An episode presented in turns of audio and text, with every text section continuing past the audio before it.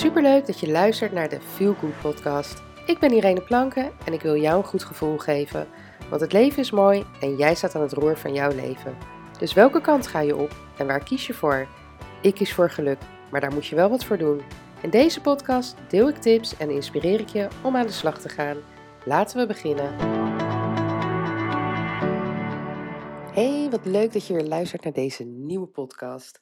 Nou, helaas heb ik mijn belofte niet waar kunnen maken, want ook deze podcast komt dus weer later online dan de bedoeling was.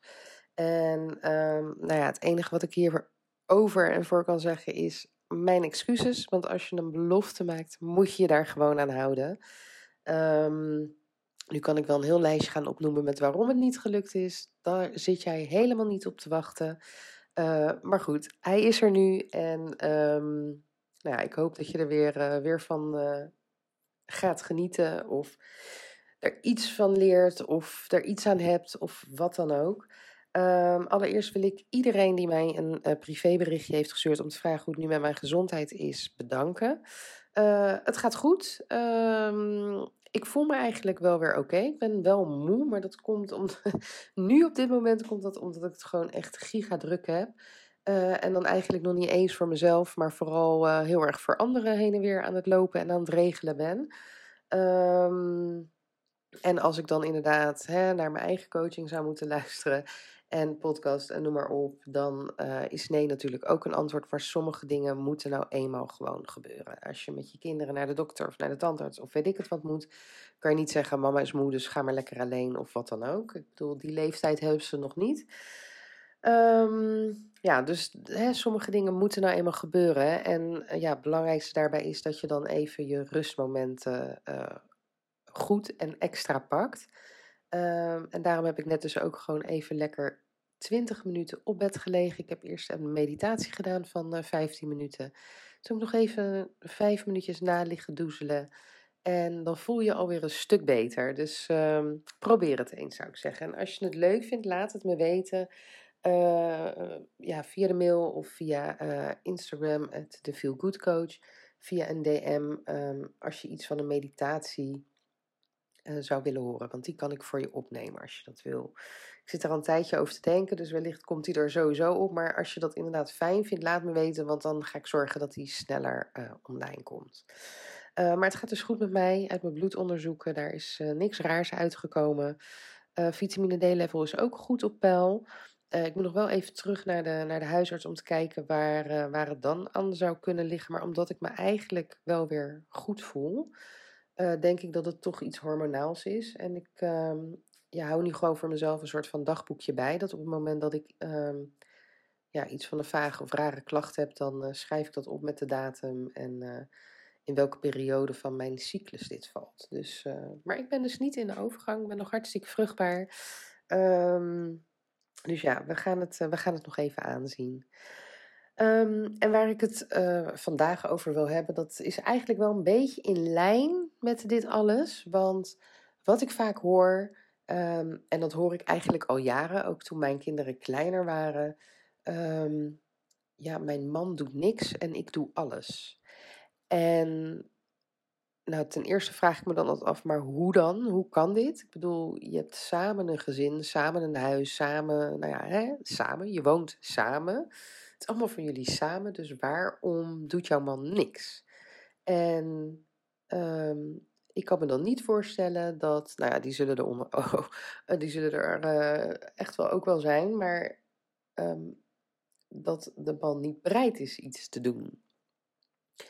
En wat ik veel om me heen zag, is uh, dat vrouwen het ook zelf gewoon allemaal maar wilden doen en deden. En dan op een gegeven moment ben je een jaar, twee jaar verder. Of uh, je wil eens een keer een avondje weg. Want die heb ik ook wel eens gehoord. Um, dat er op een gegeven moment werd gezegd: Ja, nee, ik kan s'avonds niet weg. Want mijn kinderen die, uh, willen niet, die slapen niet als mijn man ze naar bed brengt. Maar hoe dan? Ja, ik snap dat niet. Want dan denk ik: Ja, maar brengt hij ze dan nooit naar bed? Um, hier heb ik eigenlijk al voordat we kinderen hadden is alles gewoon een beetje verdeeld. Ik bedoel, ik werkte toen fulltime, uh, Alex werkte fulltime. Uh, dus het hu huishouden, dat verdeelden wij. Het is niet zo dat ik in mijn eentje het hele huis hoef te poetsen en schoon te maken en op te ruimen en noem maar op.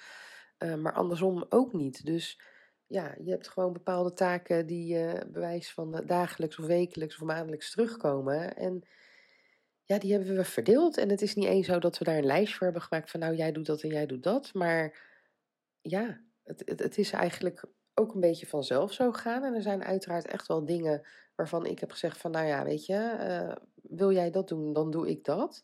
Um, zoals bijvoorbeeld de was, ja, dat doe, dat doe ik gewoon. Want Alex heeft het wel eens een keer geprobeerd, maar dat was geen groot succes. Nou weet ik niet of dat natuurlijk uh, de bedoeling was. Nee, ik ga ervan uit dat het echt, uh, echt een foutje is geweest, dat alles er in die mini uitkwam. Um, maar in ieder geval, hè, dat, dat, dat is dan iets wat ik doe. Maar bijvoorbeeld uh, het vuil buiten zetten, heel ouderwets, dat doet hij. En met de auto door de wasstraat, dat doet hij ook. Uh, maar dat is omdat, ja, ik vind daar toch geen reet aan. En hij en de meiden vinden dat leuk. Dus ja, weet je, dus daar kijk je dan ook naar. Maar ook als het gaat om de kinderen. Toen toen ik zwanger was van Marley, toen ben ik op zoek gegaan naar een andere baan. Omdat ik minder wilde werken.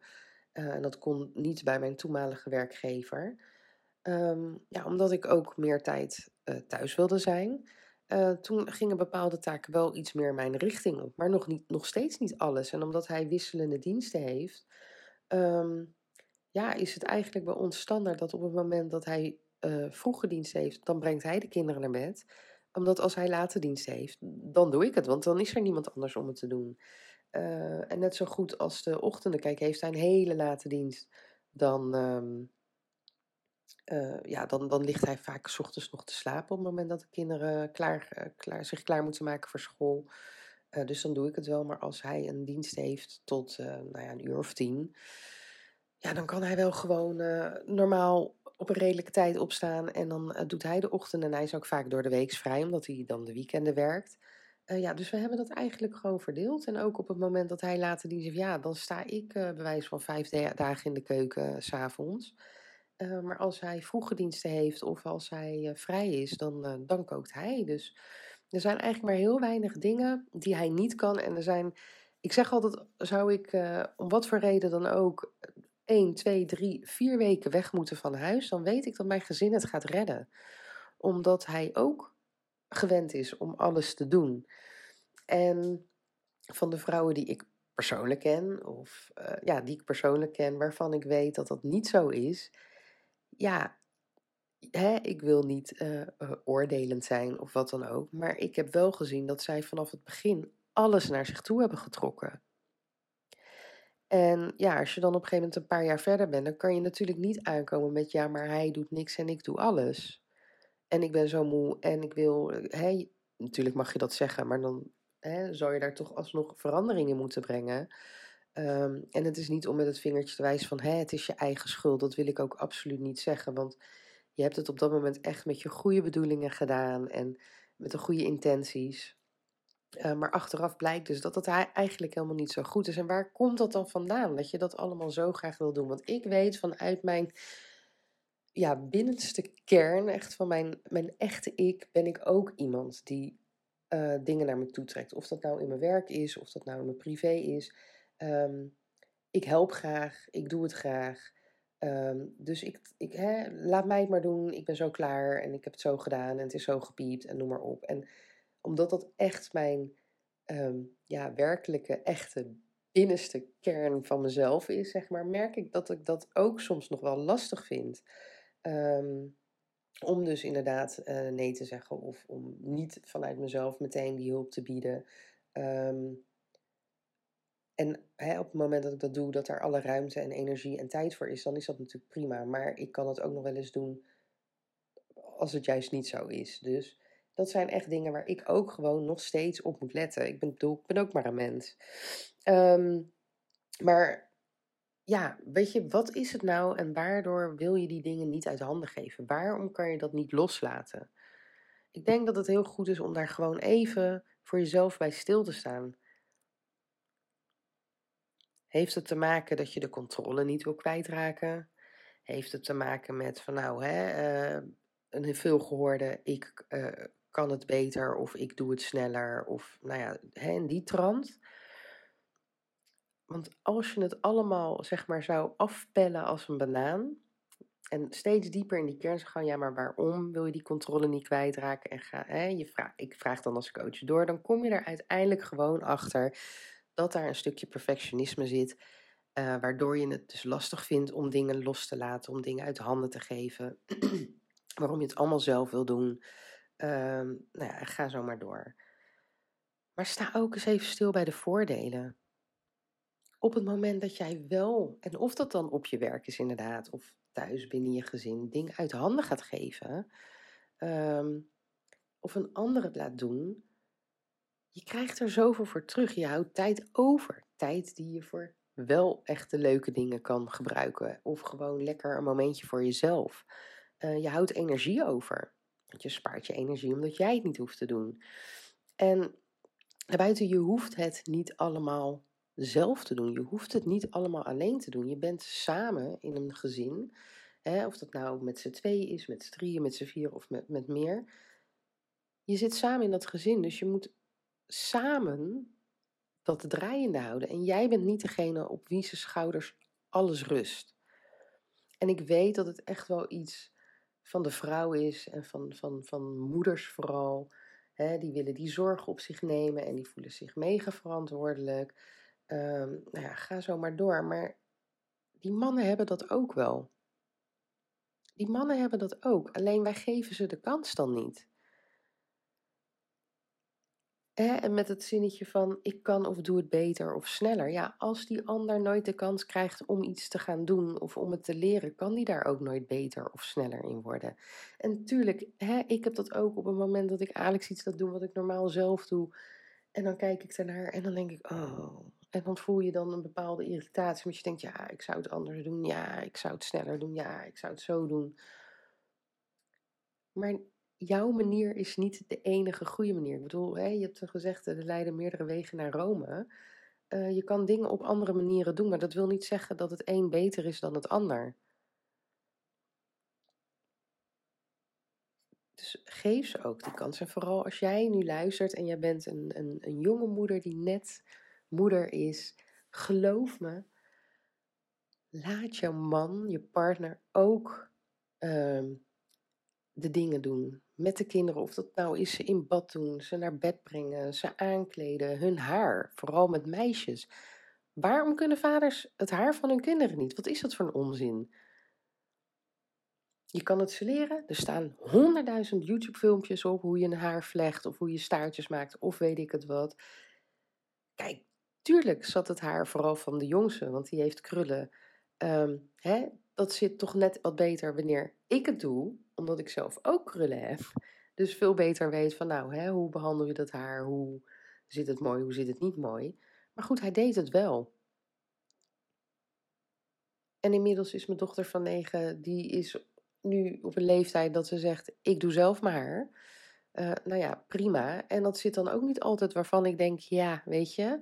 Maar ja, ze wil dat graag en zij moet het ook leren. En als ik haar niet die kans geef om het te leren, dan sta ik straks op de vijftiende nog de haar te doen. En dat is natuurlijk ook niet de bedoeling.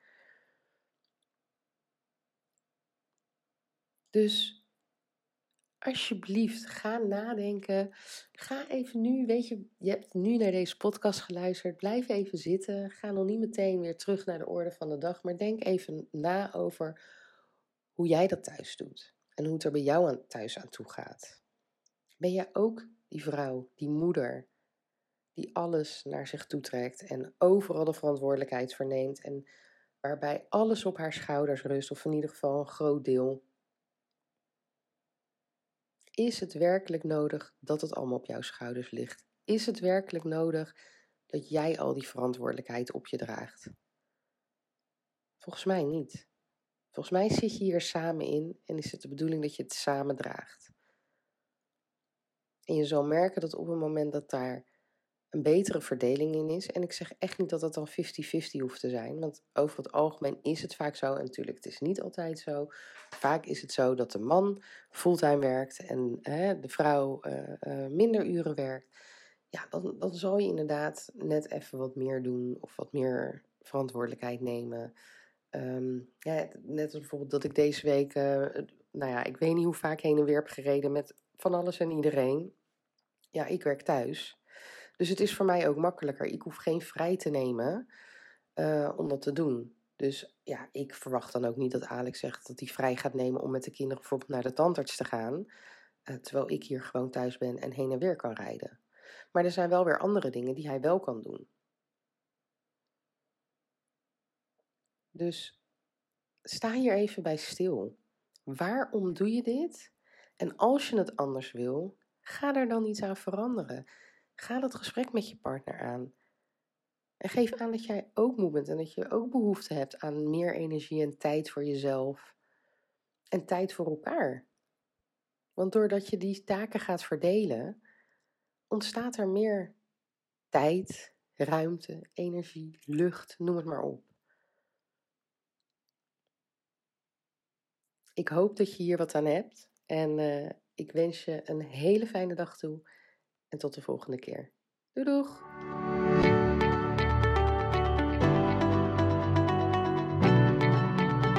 Dankjewel voor het luisteren naar de Feel Good podcast. En heb ik je kunnen inspireren? Maak een screenshot en tag me op Instagram Stories, zodat nog meer mensen mijn podcast gaan luisteren. En vergeet ook niet de podcast te volgen, zodat je het nooit meer een aflevering mist. Tot de volgende keer. Doeg!